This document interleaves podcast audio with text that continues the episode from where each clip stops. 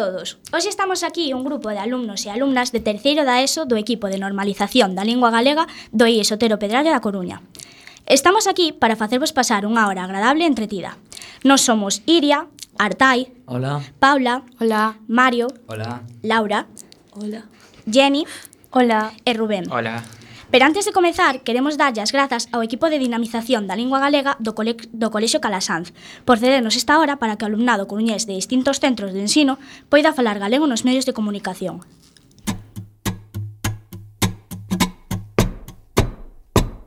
Un, dos, un, dos, tres. Give it up, give it up, give it up, down. Give it up, give it up, give it up, down. Give it up, da-dum, give it up, da-dum, down, down, da-dum, down son Vieita James Vou vos contar a miña historia Que é pra flipar Que me ia dicir a mim Nuestro me superestar. Superstar Minha simpra diva Iso xa ben se ve É verdade E aquí na terrada chispa pasa já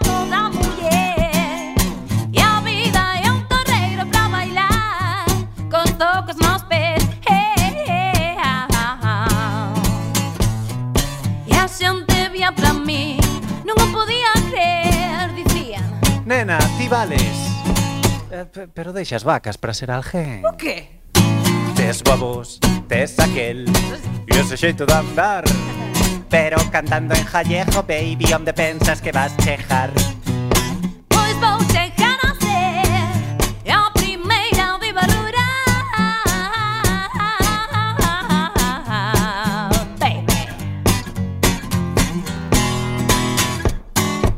dab, deeby dab, dee dab down, deeby dab, deeby dab, dee dab down, deeby dab down, deeby dab down, down down.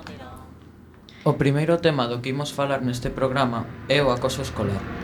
O cal, por desgraza, é moi actual e está presente na maioría dos centros, xa que, segundo estudos realizados pola Universidade de Vigo, un de cada sete estudantes da ESO en Galiza sufriron algunha vez. As agresións e humillacións que sofren estes nenos trae consigo moitos problemas, tanto psicolóxicos como físicos. Un exemplo disto é o sufrimento na escola ou instituto, xa que estes lugares convertense en desagradables e humillantes por culpa da constante violencia, o cal dificulta a socialización e o benestar persoal.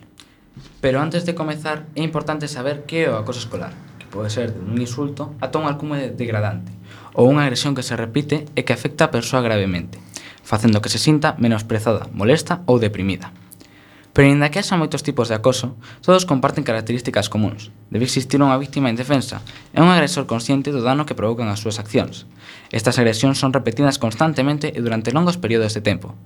X eh, ten que haber un, un desequilibrio de forzas, sendo a parte do abusón a de maior poder e violencia.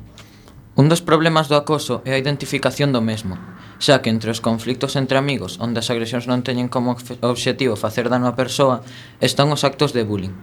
A complicación reside en que dende fora non é sinxelo ver como afectan estes, estes actos á persoa, que pode non darlles importancia ou sentirse deprimido polas opinións negativas dos demais. Ademais, a maioría dos compañeiros ven o bullying como agresións físicas, pero isto non sempre é así, facendo máis complicado a posible descuberta deste acoso. É importante diferenciar o acoso escolar de outras situacións puntuais, que presentan a miúdo unha abordaxe diferente, aínda que requiren tamén dunha resposta efectiva. A raíz deste constante bullying, a preocupación dos pais e profesores dos afectados, que será bastante alta, creceu moito nos últimos tempos.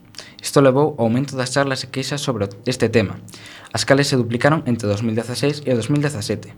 Como resultado, está un intento de mellorar a convivencia e a seguridade nos centros educativos, Os medios de comunicación tampouco se quedan atrás na colaboración con esta mellora do entorno escolar, creando e repartindo mensaxes antiacoso, tanto anuncios na rúa ou nas redes sociais, como charlas emitidas pola televisión ou na radio.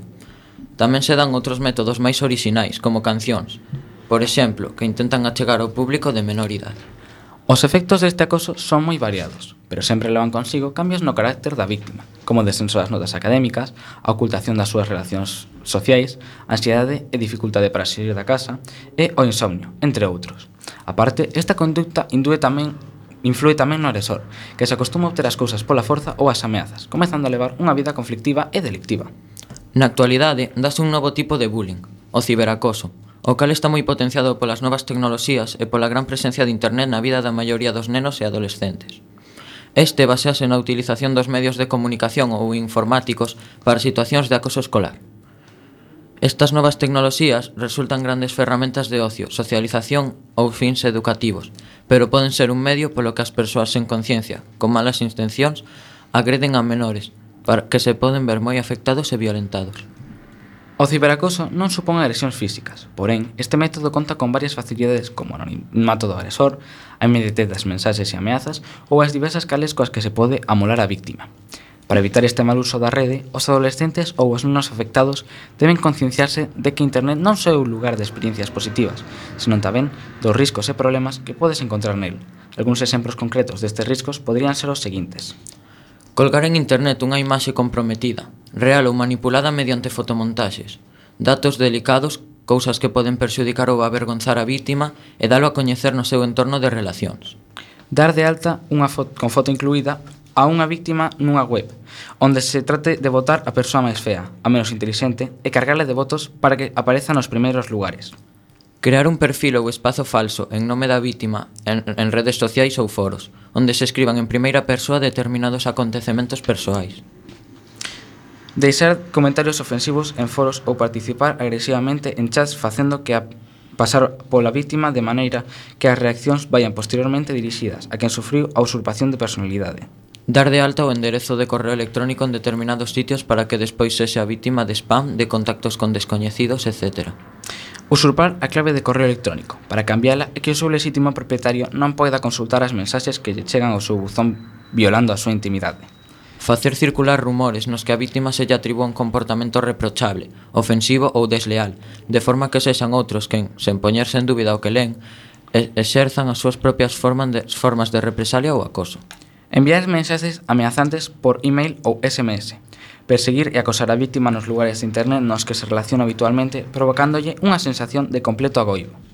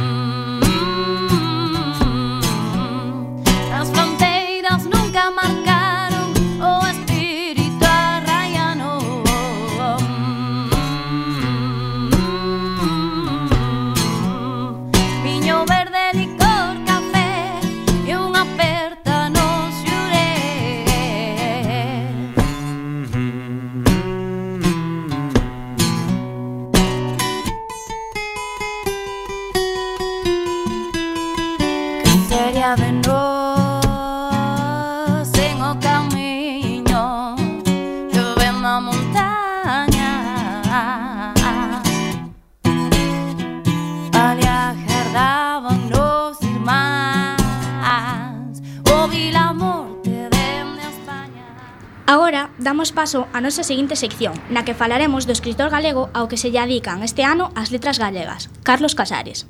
Casares naceu en Ourense en 1941 e morreu en Vigo o 2002. En canto aos seus estudos, licenciouse en Filosofía e Letras na Universidade de Santiago. No referente á súa carreira literaria, comeza traballando co periódico El Averno, do cal era o seu director e único redactor, cando estaba no seminario de Ourense. Despois deste inicio, Casares dase a coñecer en 1967 con Vento Ferido, un libro de relatos curtos. Un ano máis tarde, gañou o seu primeiro concurso de relatos, convocado pola Asociación Cultural O Facho, con A Galiña Azul. Colaborou en numerosas revistas e xornais, entre eles Grial, que dirixiu dende 1989 ata 2002, e La Voz de Galicia. Entre as súas obras sobresaen Cambio en tres, unha obra sobre a violencia diaria exercida de pais a fillos, de homes a mulleres, entre compañeiros, Os escuros soños de Clio. Libro dividido en 12 contos sobre un mundo do pasado, mesturando superstición relixiosa, ficción histórica, verdade, fantasía e humor. Xoguetes para un tempo prohibido, que percorre os diversos escenarios da, da represión diaria que se vivía na Galicia da ditadura franquista. Ilustrísima, que conta as aventuras de Fernando Fanego, que é o obispo dunha cidade do interior de Galicia, posiblemente Ourense e outros títulos máis. Como escritor de literatura infantil, publicou A Galiña Azul, libro que conta a súa historia como se fose unha carta a unha nena. O canrín e o lobo Crispín, que conta a vida do canrín, o cal é capaz de falar contra o malvado lobo Crispín, e As laranxas máis laranxas de todas as laranxas, entre outros. Por suposto, Casares gañou varios concursos ao longo da súa carreira, como o Premio de Crítica Narrativa Galega pola súa obra Xoguetes para un tempo prohibido, en 1976 e en 1996 por Deus sentado nun sillón azul e en 2002 por O sol do verán. A súa última homenaxe realizamos este mesmo ano 2017 coa dedicatoria das letras galegas. Pese a que todos os libros do escritor teñen unhas fantásticas historias, queremos centrarnos máis detidamente en dous deles, Vento ferido e As laranxas máis laranxas de todas as laranxas. Esta obra de teatro, en concreto, foi escollida por un grupo de alumnos e alumnas do noso instituto para representar a final de curso. É unha peza de teatro que conta os relatos duns veciños alterados ao causa dun limoeiro con cinco enormes laranxas. Nel participarán persoaxes, personaxes tan pintorescos como o veciño da escopeta ou o veciño gordo, e outros tan extraños como as propias laranxas, un ovo ou unha galiña. É unha historia, ao meu parecer, moi divertida e original que pode ser disfrutada por todas as persoas da casa, dende os máis pequenos aos adultos. Unha lectura case obrigatoria se queres pasar un bo rato. E agora centrarémonos un pouco en Vento Ferido. Este magnífico libro foi proposto para ler por o noso profesor de lingua galega. Conta con 12 relatos curtos que falan sobre a violencia e o acoso escolar, moi acorde co tema anterior. Entre os diversos contos do libro, escollemos para lervos os dous que nos pareceron mellores. O xogo da guerra e a rapazo do circo. O xogo da guerra foi escollido porque trata temas sobre a violencia entre menores, as ameazas e como as agresións, e os insultos só levan a máis problemas. E agora lemos o xogo da guerra. Votaron as sortes e tocoume a min. Eu penso que fixeron trampa, pero calei. Dixome o rata. Vai! Eu non quería ir, digo a verdade, pero cando o rata dicía vai, había que ir. O rata estaba tolo, segundo a miña nai, pero eu penso que non estaba tolo, que era atravesado e de mala lei. Vai! Dixo outra vez. E fun, a casa de Don Domingo quedaba lonxe, algo así como dous kilómetros. Tiven que dar un rodeo para non pasar por diante da zapatería do meu pai. Pensei, escapo para casa e xa está, pero collín medo. Ademais, facía calor e na casa no verán non se para coas moscas. Cheguei ao chalet de Don Domingo e berrei. Falo! Ladraron os cans. Agardei un pouco e volvín chamar. Falo! Cando apareceu, de seguida me din conta de que viña de dormir a sexta. Díxome. Que pasa? Eu díxenlle.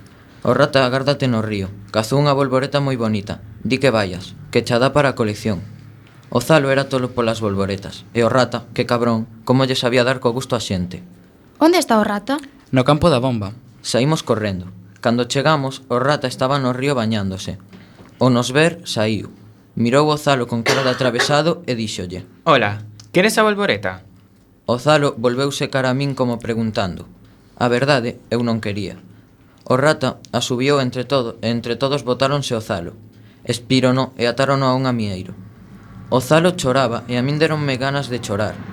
Eso non se lle fai a ninguén, e menos a traizón. O rata chuspiulle ali, naquel sitio, e chamoulle caguetas. Non se chora, dixo. Despois colleu un bimbio e pasoulle polas pernas e pola barriga sen lle dar. Botamos a sorte e se tocoume a min. Quixen fuxir ou tirarme ao río, pero o rata miroume así, como mira el, e, co e collín o vimpio. Veña. Díxenlle que non. Mira, Rafael, que che tocou as sortes. Díxenlle que non. Mira, Rafael, que te imos atar a ti. Non. Mira, Rafael, que non me enchas. Mira, Rafael. Pola voz soben que me ia dicir o da miña nai. Agarrei o bimbio e fume cara ao zalo. Eu non quería, ben o sabe Deus, e delle no pescozo. Os outros berraron. Mais, Trinquei os dentes e sentín que me baixaban as vaguas polos ollos e que non vía. E delle nas pernas, nos ombreiros, na cara, no peito. Sangraba e berraba, e os outros dicían máis. E eu non vía, e daba, e sentía o sol dentro da cabeza e os chidos do zalo que se me espetaban nos oídos. E daba. Máis! Cando mirei para o zalo gañei medo. Sangraba por todas partes e comíano as moscas. Estaba como morto. Non falaba. O rato e os outros fuxiron. Eu tamén fuxín. Eu non quería, digo a verdade. Dixenlle a señora aquel, pero non me fixeron caso. Tamén lle dixen que fora por sortes, que me tocara a min, pero non me escoitou. Faloume do inferno e entón calei. A rapazo do circo, escollémolo porque é un conto maravilloso, que narra como xorde unha fermosa historia de amor entre rapaces. E agora damos paso á lectura da rapaza do circo. Mirou pola fiestra, Víase a, a carpa do circo que se erguía entre os, entre os carballos do feiral. Está castigado. Cando ele saia, a sesión da tarde terá rematado. E despois de cear non nos deixarán ir. A causa empezou por culpa dunha aposta. Os de quinto estudaban na aula 2, que tiña acceso directo desde o portal sen pasar polas demais dependencias do colexio. Podían ver a rúa e meterse coas rapazas que pasaban se que ninguén nos vixiase.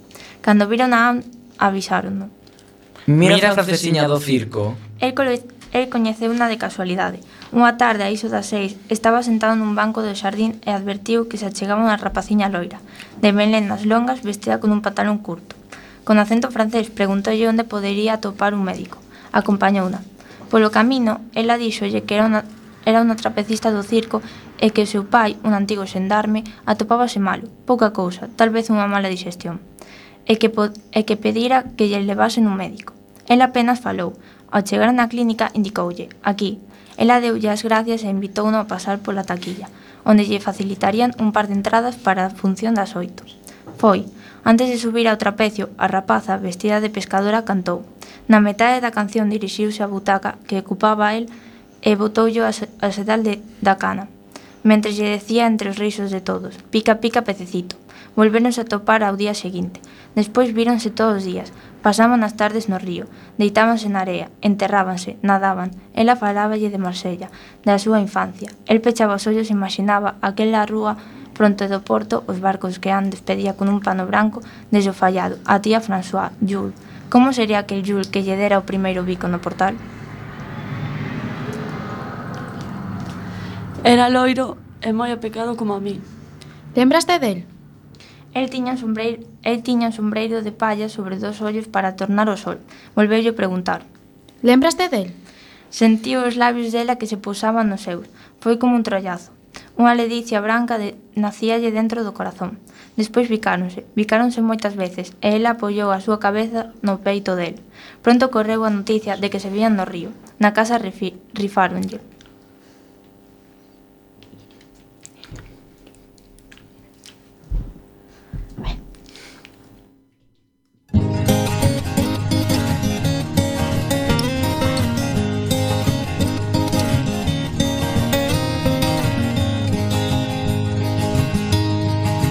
fresco de mar Curo feridas e loitos Que sexan poucas ou moitos É necesario sanar.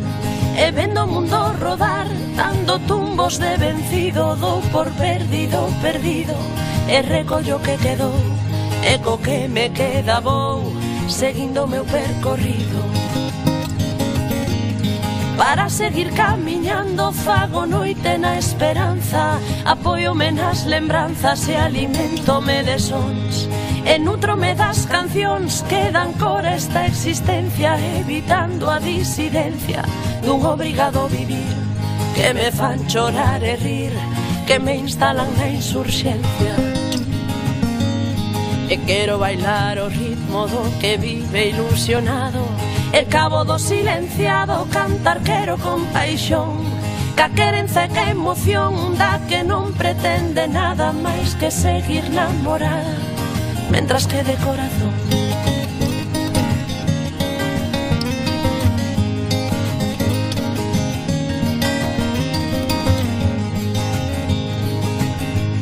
Aspiro a soñar experta para facer máis levadeiro. Este treito traizoeiro que garda unha fin inferta E cantar a gorxa aberta e deseñar utopías Para encher de luz os días en que o sol non me sorrí En que non te teño a ti para inspirarme melodías. E así seguirei rimando no medio do bombardeo Emulando canso reo reconvertido en poeta Que tengo fora por meta tengo dentro valeiro un ollar sempre tristeiro. E o pensamento no ar Onde vou ao meu cantar Onde non hai carcereiro. E quero bailar o ritmo do que vive ilusionado. En Galicia contamos con grandes grupos musicais e cantantes galegos, que maría saber o difícil camiño que supón o mundo da música, e máis se está en galego, Aínda así, deciden seguir adiante e conseguen sorprender e atraer a moita xente. Un dos exemplos máis significativos é SES. SES naceu na Coruña en 1983. É profesora e licenciada en Filoloxía Galega e Antropoloxía Local. En 2007, xuntouse con tres amigos e formou un grupo que foi unha revelación nese ano. Unha das súas cancións máis populares é A Paz Esquiva e Milonga de Aquí. Dende a súa fundación xa publicou moitos discos tales como admira, admirando a condición no 2001, Coxeño destrozado no 2013, Tronzar os balos no 2015, o Poñerse a extinción no 2016, entre outros. Hoxe en día, Sexa é coñecida en toda Galicia e tamén fora de aquí, e goza de moitos seguidores que non se queren perder os seus concertos pola forza e calidade musical que desprende. Ola Ses, boa tarde. Somos Siria e Paula. Benvida Hola. ao noso programa de radio A Fume de Carozo. Antes de nada, quixéramos darche as grazas pola túa boa disposición para facerche esta entrevista, pois sabemos que andas moi ocupada tendo en conta que, seguida por moita xente, estás sendo un referente da música galega no mundo. Ben. Hola, boa tarde. Ben, eu creo que podíamos comezar por preguntarte por preguntarche dende cando comezaches a sentir esa paixón pola música. Que foi o que che fixo, o que che fixo dicir quero ser cantante? Pois, bueno, principalmente a miña paixón pola música é desde nena, non? Desde nena sempre fun cantareira e, e bailadora, sempre me gustou moitísimo a, a música, eh, e, e, criíme no mundo da música tradicional e despois por casualidades da vida acabei sendo facendo, bueno, música profesional, digamos, pero bueno, non era o que eu estudei, como dixestes vos ben, moi ben, eu estudei filoloxía e antropoloxía social, pero non, non nunca pensei dedicarme a música, ao final pois acabei me dedicando por casualidades, porque bueno, porque hai unha frase moi boa que di que as, as grandes decisións non, non as escolles ti, escollentelas a ti. E ao final pois eu acabei adicándome a isto por por eso, por por por casualidade máis que por propia decisión, pero ahora estou moi contenta e e paso moi ben, é unha, é unha profesión que me gusta moito. E que te impulsou a cantar en galego? Xa que non vemos moita xente que se atreva a facer isto. Pois eu falo en galego e sempre digo, no, pois que se Miley Cyrus fala en inglés, canta en inglés, e se, pois isto eh, non sei, Estrella Morente fala en español, canta en español, eu falo en galego e canto en galego, non, de un xeito moi natural, non, non sei que non, non me plantexaría facelo de outra maneira, porque outra Outro modo sería antinatural para mí. Non é a miña lingua, e non me avergoña, todo o contrario, estou moi orgullosa da miña lingua, gustame moito. É unha lingua ca que fun a todos os sitios, e, en ningún sitio eh, se me cerrou portas, todo o contrario, sempre lles pareci unha lingua fermosísima e, e tan boa como todas as demais, pero aquí hai este este problema, non, que está moi impulsado pois, polo goberno tamén, non? que nos fai pensar que o galego non vale para nada, que o galego é unha lingua que só vale para, para aquí, pero, pero non é certo, non? Eh, o galego ten tantos números de falantes como moitas outras linguas do mundo, pero só hai problemas aquí con ela, sabes? Fora non, non os hai, entón eu eh, simplemente fago un xeito natural e fora de Galiza é eh, tratado do mesmo xeito, que é con naturalidade, non? Foi difícil abrirte paso no mundo da música? Pois non, para mí, para mí non foi, para mí foi fácil, eh, se te dixera o contrario, pois estaría sendo injusta e mentiría, non? Para min todo foi moi sinxelo porque, xa te digo, eh, eu basicamente cheguei a ser cantante porque recibín ofertas, non? De, de, de xente que, pois, que me ofreciu sacar un disco cando me viu tocar no escenario que eu tiña un grupo que facía de broma, non? Cos meus amigos, e cantaba un pouco eh, por diversión, pero que pasa que, bueno, pois pues, lle gustei a persoas que se dedican ao mundo da, da industria musical e entón ofreceronme ofreceronme sacarme un disco eh, decanteime por unha delas, saquei un disco, o primeiro disco cunha productora e despois xa decidín autoproducirme eu e a partir de aí comecei a facelo eu, no? pero non, non me foi difícil. Case de un concerto me saían outros dous, entón pois foi un pouco ao revés. Eu tiña outro traballo e tiven que deixalo porque ao final a música pois saían moi tantas datas que non podía non podía eh, eh, atender a, a, a todo, non? En que te inspiras para facer as túas cancións? Pois no mesmo, eu creo que a vosa idade ten unha cousa maravillosa, non? E que vos estades nunha idade en que facedes todo dun xito moi natural, non? Ese rollo fresco, non? De, de falar do que, do que vos preocupa e estades nunha idade moi bonita que tedes que aproveitar porque sentides moi intensamente no? eu creo que son un pouco en ese sentido son casi unha eterna nena no? Que, bueno, vos sodes máis maiores pero que eh, que a min me importan moito as cousas, non? E, e as cousas fanme dano, e de súpeto cando algo me dá rabia, non, do que está pasando no no contexto pois sociopolítico, pois me dá moita rabia e entón escrevo un, un tema, non? Entón, eu inspirome na realidade, na miña realidade diaria, non? E que é a mesma que calquera outro ser humano. Eu namórome, desnamórome, vexo un telediario con nenos como vedes vos eh, morrendo nas costas eh, eh, ou morrendo nos campamentos ou sendo tiroteados e me dan ganas de, non sei, de, de, de poñer bombas, non? como a todo o mundo, de, de dar rabia, non? De, Entón, bueno, pues, con todos estes, estes sentimentos de tristura, de alegría, de, de ira, de, de tranquilidade, de, bueno, de moitas cousas que todos pasamos ao longo da nosa vida, pois fago cancións. Es non, non intento decir, ai, ses, vou facer unha canción super guai, a ver, de que vou falar, que non teña nin puta idea, pero que me parece a mí moi cool e moi chic, non? Non. Mais ben, eh, casi casi jomito as cousas, non? Todos os autores teñen un disco unha canción favorita. Tes ao que llegardes un cariño especial e por qué? Miñas. Miña. Sí. Sí, miña.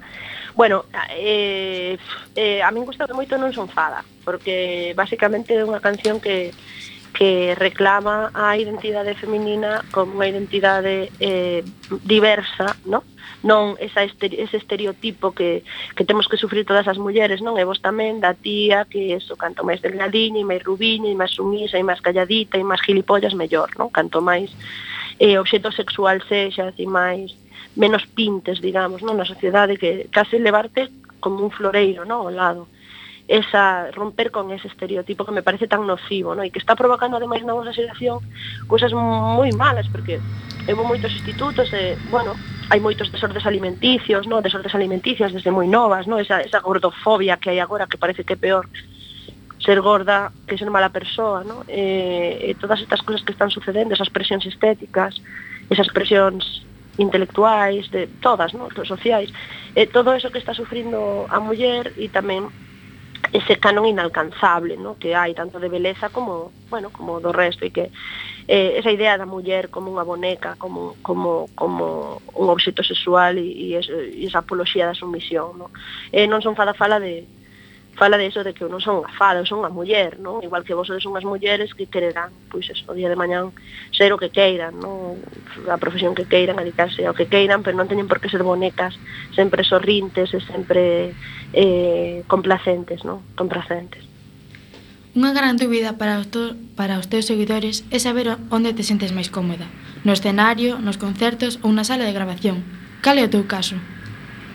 Pois a mí gustame todo, eh? gustame moito gravar, gustame moito o concerto, gustame dar un concerto grande nun festival e gustame dar un concerto pequeniño nunha sala pequena ao mellor acústico. Creo que todo ten o seu encanto, sabes? É como como todo.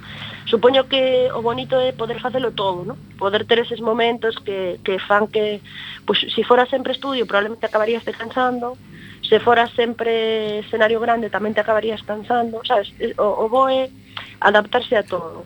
Eh, a parte do estudio gustame moito porque a min gusta moito facer cancións, quizáis eh, das cousas que máis me gusta realmente, o que é facelas, non? Decir, bueno, pues esta guitarra vai sonar así, e aquí vamos a meter esta, este instrumento, e aquí vamos a facer esta voz e tal, non? Que foi quizáis a cousa que máis me sorprendiu de min mesmo, porque eu, a mí sempre me gustara moito cantar, non? Cantar. Pero isto é máis que cantar, non? Isto é decir que ten que facer este instrumento, que ten que, que, que, que facer outro, Esto, isto, isto digamos que descubrí de min mesma, non? Que me, gust, que me gusta moitísimo, pero tamén me encanta cantar, encántame os, os concertos. Eh, é igual que cando me preguntan que che gusta máis cantar, eh, latino ou blues, non sei que, digo, que me gusta todo, gustame cantar unha cousa así, un, unha muñeira, gustame cantar un algo berrando e gustame cantar tamén un, un, un rollo a milonga, no? O sea, al final pois supoño que esa, esa heteroxenidade pois gustame porque fai que non me aburra nunca, non? Sabemos que che gusta introducir as túas cancións con diversos comentarios ensinosos e atrevidos. Podes nos dicir de onde os sacas e por que o fas? porque son así. son así. Eu falo moito. Desde que era pequeniña, falo moito. Son unha persona moi faladora e sempre foi unha persoa moi extrovertida desde rapaciña, non? Era a mítica rapaza que, que contaba chistes, de que facía rir a, aos seus compañeiros, pois porque eu que sei, porque me gustaba, sabes? E despois sempre fui moi nena, non? Eu fui sempre moi nena, desde ata, digamos que fui nena ata moi maior, sabes? Gustábame xogar, gustábame facer deporte, gustábame rirme cos amigos, e, e facer moito payaso. Entón, eh, digamos que cada un adquire o rol no? na súa, no seu entorno de amigos e o meu rol era un pouco ese no? o, era un pouco a payasa que sempre facía o tonto e tal e entón, pois eh, as cousas que digo é que me saen así non é que eu prepare nada nin nada é que me sae así cando estou no escenario e me sinto cómoda e, e vexo a xente que está pasando ben e eso pois a mí me sale facer eses, eses chistes por así decirlo no? e despois introduzo as cancións moitas veces falando de cousas moi serias, o que pasa que ata falando de cousas serias a min sempre me sale un comentario chistoso por eso, ¿no? Porque ao final sempre lle quito un pouco de ferro ás cousas porque senón, pois, como son moi seria tamén, pois acabaría, non sei, abo... quero decir, aborrecéndome a mí mesma, non sei se me entendes. Por curiosidade, tes algún ritual antes de sair ao escenario ou para romper o xeo inicial dos concertos? Mira, non temos ningún ritual, solo temos un o sea, temos un, pero bueno, non, non é que o consideremos un, un ritual, pero sempre, sempre, sempre, sempre, absolutamente sempre, antes de sair ao escenario, todos os músicos e músicas que subimos ao escenario, que somos, bueno, normalmente oito, non? Eh, nos damos un, un, un bico e unha preta mm, todos a todos, o sea, os oito aos, aos outros, non? todos a todos. Eu dou un bico a todos, eh, entre eles tamén serán todos un bico e unha aperta, e normalmente sempre decimos, pois, eh, das un bico e unha aperta ao teu compañeiro, aos teus compañeros e dille, pasa o ben, no? Pasa o ben. Sempre decimos iso, pasa o ben, vémonos despois, como se si non nos fóramos a ver no escenario, pero é, é gracioso. Digo, eu digo, vémonos agora, pasado o ben, e xa está, e nada máis. Sempre iso, moito cariño entre nós, a verdade, iso sí que é certo. Como dixemos antes, tes moitos discos publicados, como Admirando a Condición, publicado en 2012, Coinxeno Destrozado, publicado en 2013, Tronzar os Balos, publicado en 2015, e O Poñerse a Extinción, eh, publicado en 2016. Gustaríanos que nos falases algo deles e, sobre todo, deste último, xa que incluso o título do álbum amosa unha gran crítica social á perda do galego. Sí, eh, O máis interesante que che podo dicir dos discos é que, digamos, hai unha evolución eh, que vai acorde á miña propia aprendizaxe, non? O sea, pouco a pouco fun aprendendo máis e iso foi se vendo nos, nos discos, que xa sabía gravar mellor, sabía, digamos, estaba máis segura de que, que instrumentos quería incorporar as cancións, que tiña que facer cada instrumento, tal. E este último quizás é o máis o máis eh, completo a ese nivel, que esperemos que sexa menos completo que o seguinte, esperemos que o seguinte xa teña aprendido un pouco máis, non? Eh, teñen moi pouco a distancia entre eles de tempo, porque a mí me gusta gravar seguido, non, non me gusta oxidarme. Eh, e eh, este último é un disco que eu considero, ou eu vexo, porque despois outra cosa que vexades vos, sabes, que cada un tamén, o mellor a vosa opinión é máis interesante que a miña, porque eu vou facelo non son tan objetiva. A mí parece un disco máis alegre, máis vital, quizás o disco anterior era un disco un pouco máis escuro, así, de sonoridade, e este, este disco é un disco moi vitalista, non? moi incluso a portada escollina branca porque quería que fora así, ese, ese rollo así claro, non? esa, esa claridade, non? que quería expresar, porque o título xa é suficientemente crítico, non? É certo que a nosa lingua agoniza, que os nenos non falan galego, que as nenas non falan galego, e, e que é unha lingua que non falan as nenas e os nenos, é unha lingua que morre, non? Eso, eso está clarísimo. E, e, e desgraciadamente estamos nos enfrontando a iso, estamos enfrontando a unha lingua que vai morrer, non? Que é a nosa. Que é unha pena moi grande, é unha pena moi grande. E, entón, quería dicer a verdade, a verdade é isa, a verdade é que iso me preocupa, pero aunque esa sexa verdade, esa verdade pode ser tratada de moitos xeitos. E o xeito que a mí me interesaba era o, o resistente, no? o, o positivo e o vital. O, a, a, a, a, o, o canto máis agonicemos, máis, te, máis vitalidade temos que intentar eh, proxectar. Xa para ir rematando, queremos que nos contes que proxectos tes en mente e algún dos concertos que teñas pensado facer neste verán para poder ir verte.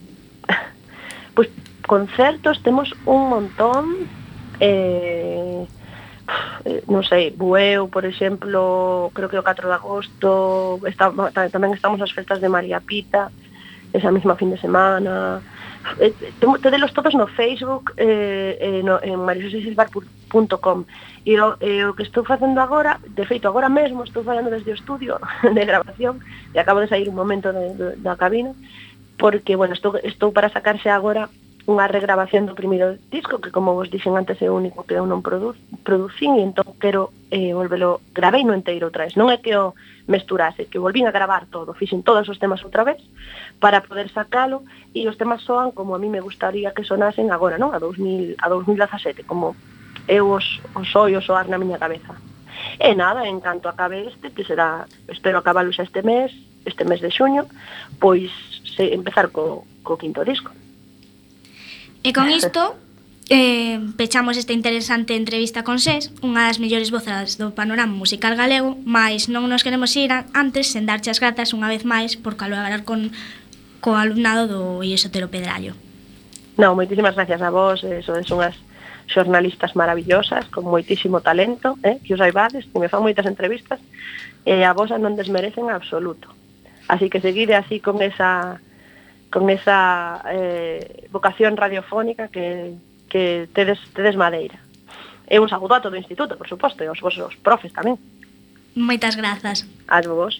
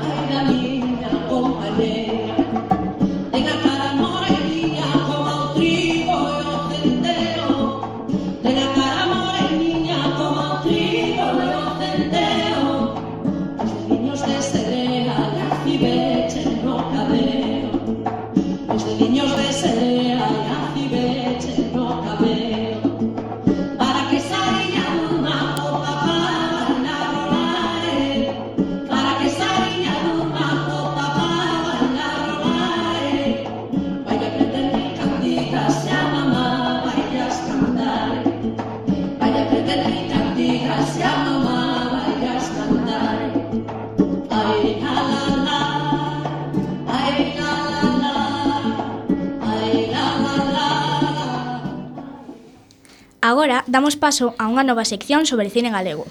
¡Au! Fuches tú Que encajou no palleiro Fuches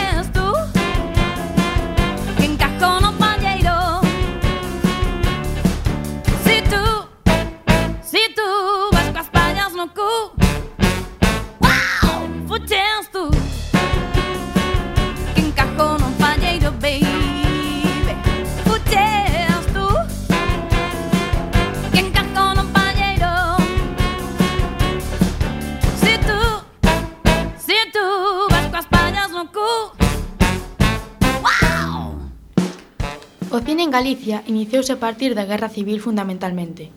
Todo comezou coa chegada dos primeiros cinematógrafos, dos que houve algún pioneiro que comezou a facer as primeiras filmacións.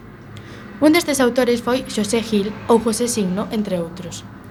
Nestes anos rodanse filmes españois e estranxeiros ambientados en Galicia, como La Casa de la Troya ou Carmiña, Flor de Galicia, A partir de 1975, o cine estivo un pouco parado, xa que a Guerra Civil produciu un gran desconcerto entre a sociedade.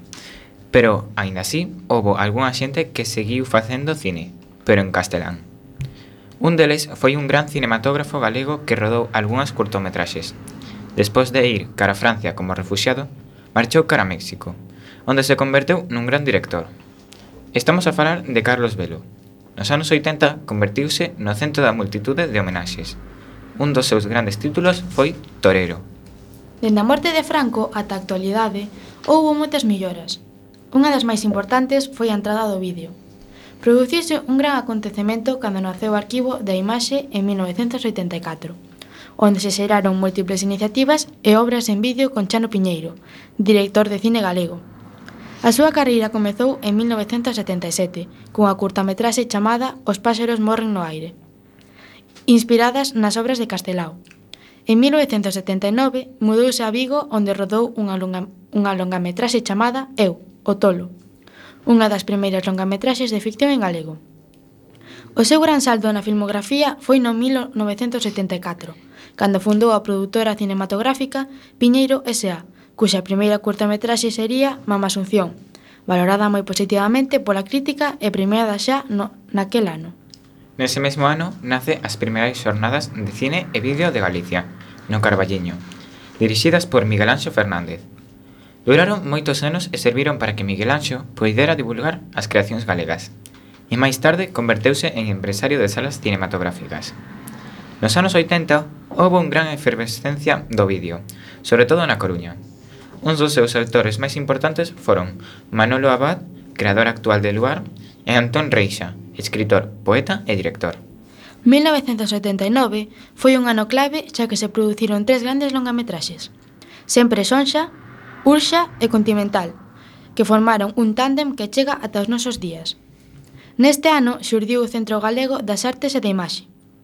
En 1991 tamén nace a Escola de Imaxe e Son da Coruña. O 25 de xullo de 1975 comezan as emisións eh, de Canle Galega, Televisión Galega, fundada ese mesmo ano.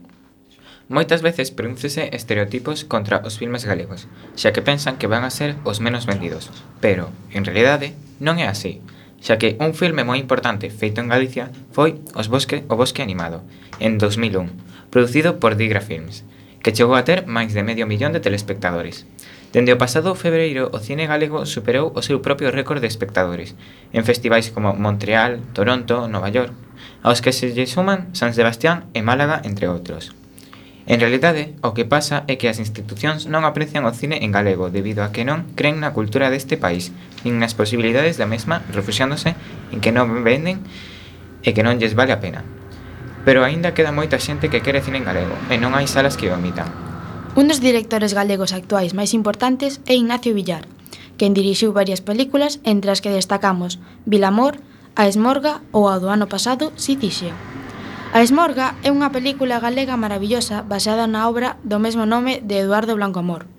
Esta película está protagonizada por Miguel de Lira, no papel de Cibrán, Morris, no papel de Milomes, e Carra Elejalde, no papel de Bocas.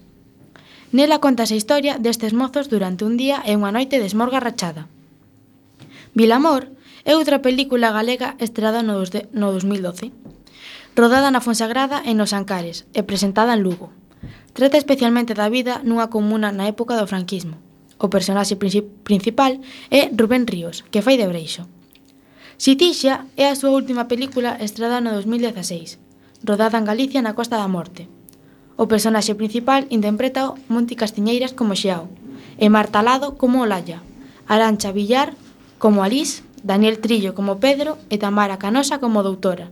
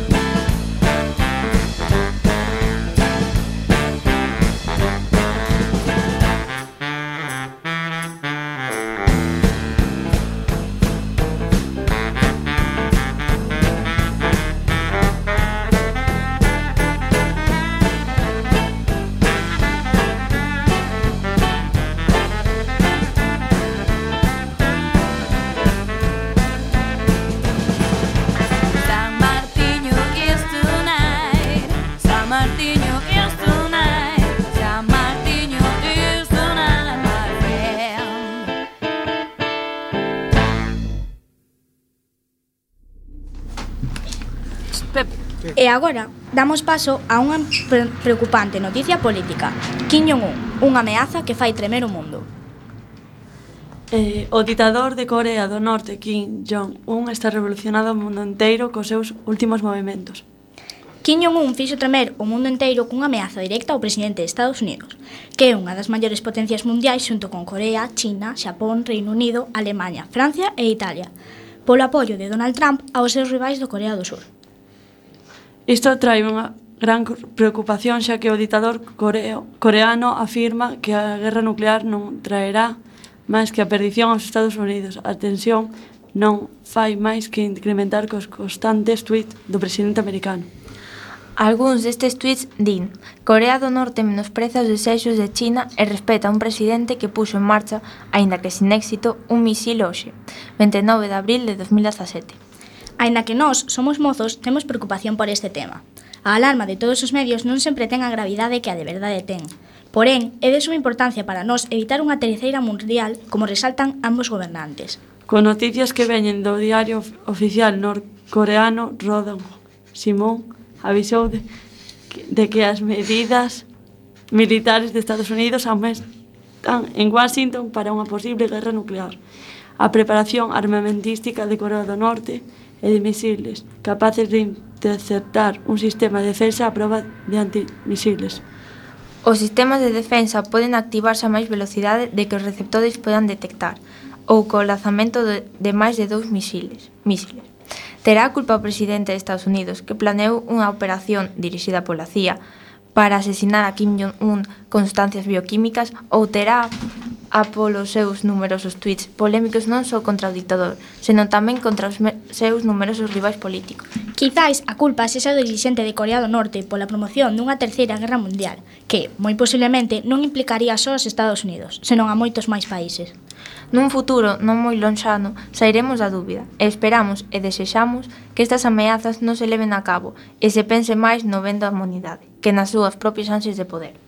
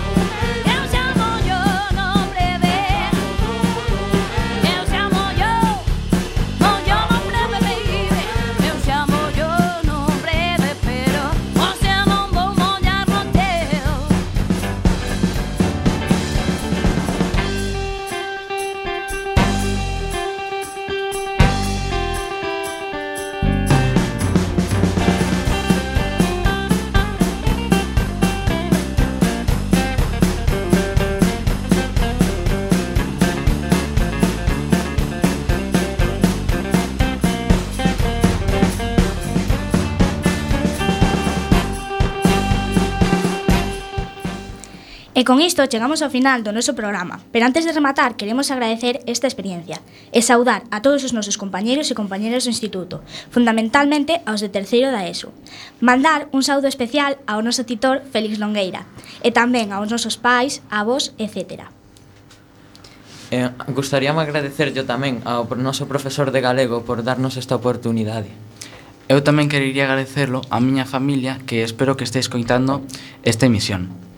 Eu quería agradecelo á miña familia e aos meus amigos. Eu quero agradecer a miña familia e, sobre todo, en especial, a miña sobrina. Eu tamén quero agradecer a miña familia e, sobre todo, aos meus compañeiros e á miña prima. Eu agradecerlle tamén á miña familia e decirlles que os quero moito. Eu agradecerlle o combo dominical.